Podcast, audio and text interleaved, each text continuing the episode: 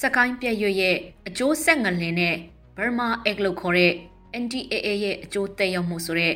မြန်မာနွေဦးခရိုနီကယ်ဒီဇင်ဘာ15မြင်ဝင်ဆောင်းပါးကိုဖတ်ကြားပေးပါမယ်။မြန်မာနိုင်ငံရဲ့အလဲပိုင်းဖြစ်တဲ့စကိုင်းတိုင်းအထက်ပိုင်းကနေပဲခူးတိုင်းလောက်ထိလူနေများတဲ့မြို့တချို့ကိုဖျက်ဆီးသွားတဲ့စကိုင်းပြည့်ရွကျော်ဟာမကြာမကြာအင်အားအတန်အသင့်အနည်းငယ်ပြင်းထန်တဲ့ငလင်လှုပ်ခတ်နေတဲ့တဘာဝရှိပြီးဒီဇင်ဘာ15ရက်နေ့မနေ့စောစောပိုင်းမှာတော့ တရအူးမြို့အနီးကိုဗဟုပြုတ်တဲ့ငလင်လှုပ်ခဲ့ရမှာအနီးဆုံးမြို့တွေဖြစ်တဲ့မန်လေးစကိုင်းနဲ့ရှေးဟောင်းအမွေနဲ့ဖျားပထိုးတွေရှိတဲ့အင်းဝမြို့ကဖျားစီတွေအဆောက်အဦတချို့ထိခိုက်ပျက်စီးမှုတွေရှိခဲ့တာဖြစ်ပါတယ်။2012ခုနှစ်နိုဝင်ဘာလတုန်းကရွှေဘူးခရိုင်မှာဗဟုပြုတ်လှုပ်ခဲ့တဲ့ငလျင်လှုပ်ခတ်မှုမှာပျက်စီးမှုနဲ့ဒေဆုံးမှုတွေရှိခဲ့တာဖြစ်ပါတယ်။အဲဒီငလျင်တုန်းကဆောက်လက်ဆအီယာဝရီမြက်ကူးတရာရဲ့အစိတ်ပိုင်းတချို့ မြစ်ထဲကျိုးကျခဲ့ပြီးဆောက်လုပ်ရေးလုပ်ငန်းခွင်ကလူသေးဆုံးမှုတွေလည်းရှိခဲ့တာဖြစ်ပါတယ်။အခုတစ်ချိန်က2012ငလင်လောက်ထိခိုက်ပျက်စီးမှုမများပြားတော့လဲ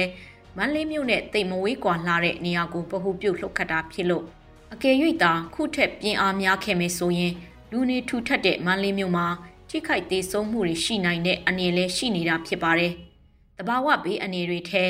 ငလင်လှုပ်ခတ်မှုဟာဘယ်တော့ဖြစ်ပွားမယ် ဘယ်လောက်ပြင်းထန်မယ်ဆိုတာကိုခံမှန်းပြောဆိုလို့မရတဲ့ဘေးအနေဖြစ်ပြီးကြိုတင်ပြင်ဆင်မှုနဲ့သာကာကွယ်နိုင်ပြီးအသက်ဆုံးရှုံးမှုနည်းနိုင်သမျှနည်းအောင်လှုံ့ဆော်နိုင်တာဖြစ်ပါတယ်။သို့ပေမဲ့အခုလိုနိုင်ငံကနိုင်ငံရဲ့အကြက်တေးထဲကြားရောက်နေတဲ့အနေအထားလက်နက်ကင်ပရိပခတွေဖြစ်ပွားနေချိန်မှာတဘာဝဘေးအနေကာကွယ်ရေးဆောင်ရွက်မှုတွေလှုံ့ဆော်ဖို့ကြိုတင်ပြင်ဆင်မှုတွေလှုံ့ဆော်နိုင်ဖို့က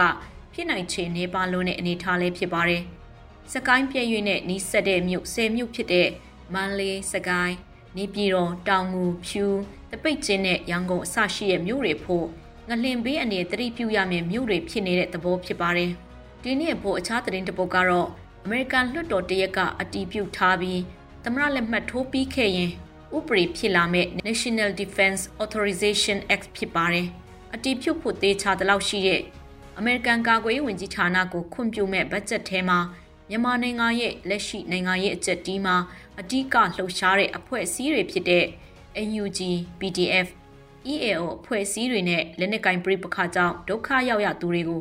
အကူအညီတွေပေးဖို့ထည့်သွင်းရေးဆွဲထားတာဖြစ်ပါတယ်။၅နှစ်တာကာလအတွင်းမြန်မာနိုင်ငံအရေးနဲ့ပတ်သက်လို့အသုံးစရိတ်ဒေါ်လာတန်490သတ်မှတ်ထားပြီးပထမဆုံးနှစ်မှာ40ရာခိုင်နှုန်းသောပမာဏကိုအသုံးပြုမယ်လို့ဖော်ပြထားတာဖြစ်ပါတယ်။ NUG PDF နဲ့တိုင်းသားလက်နက်ကိုင်အဖွဲ့အစည်းတွေအနေနဲ့လူသက်လက်နဲ့မဟုတ်တဲ့အကူအညီမျိုးတွေကိုလက်ခံရယူနိုင်မှာဖြစ်ပြီးဒုက္ခသည်တွေကိုလည်းအကူအညီပေးဖို့ထည့်သွင်းထားတာကြောင့်တိုင်းသားလက်နက်ကိုင်တိုက်ပွဲဧရိယာနဲ့မြန်မာနိုင်ငံအလဲပိုင်းဒေသတွေကစစ်ပေးတံခံရသူတွေအတွက်အကူအညီတွေတနေ့တပုံလက်ခံရရှိမယ်လို့ယူဆရပါတယ်။ဒီလိုအကူအညီတွေရရှိမဲ့အချက်က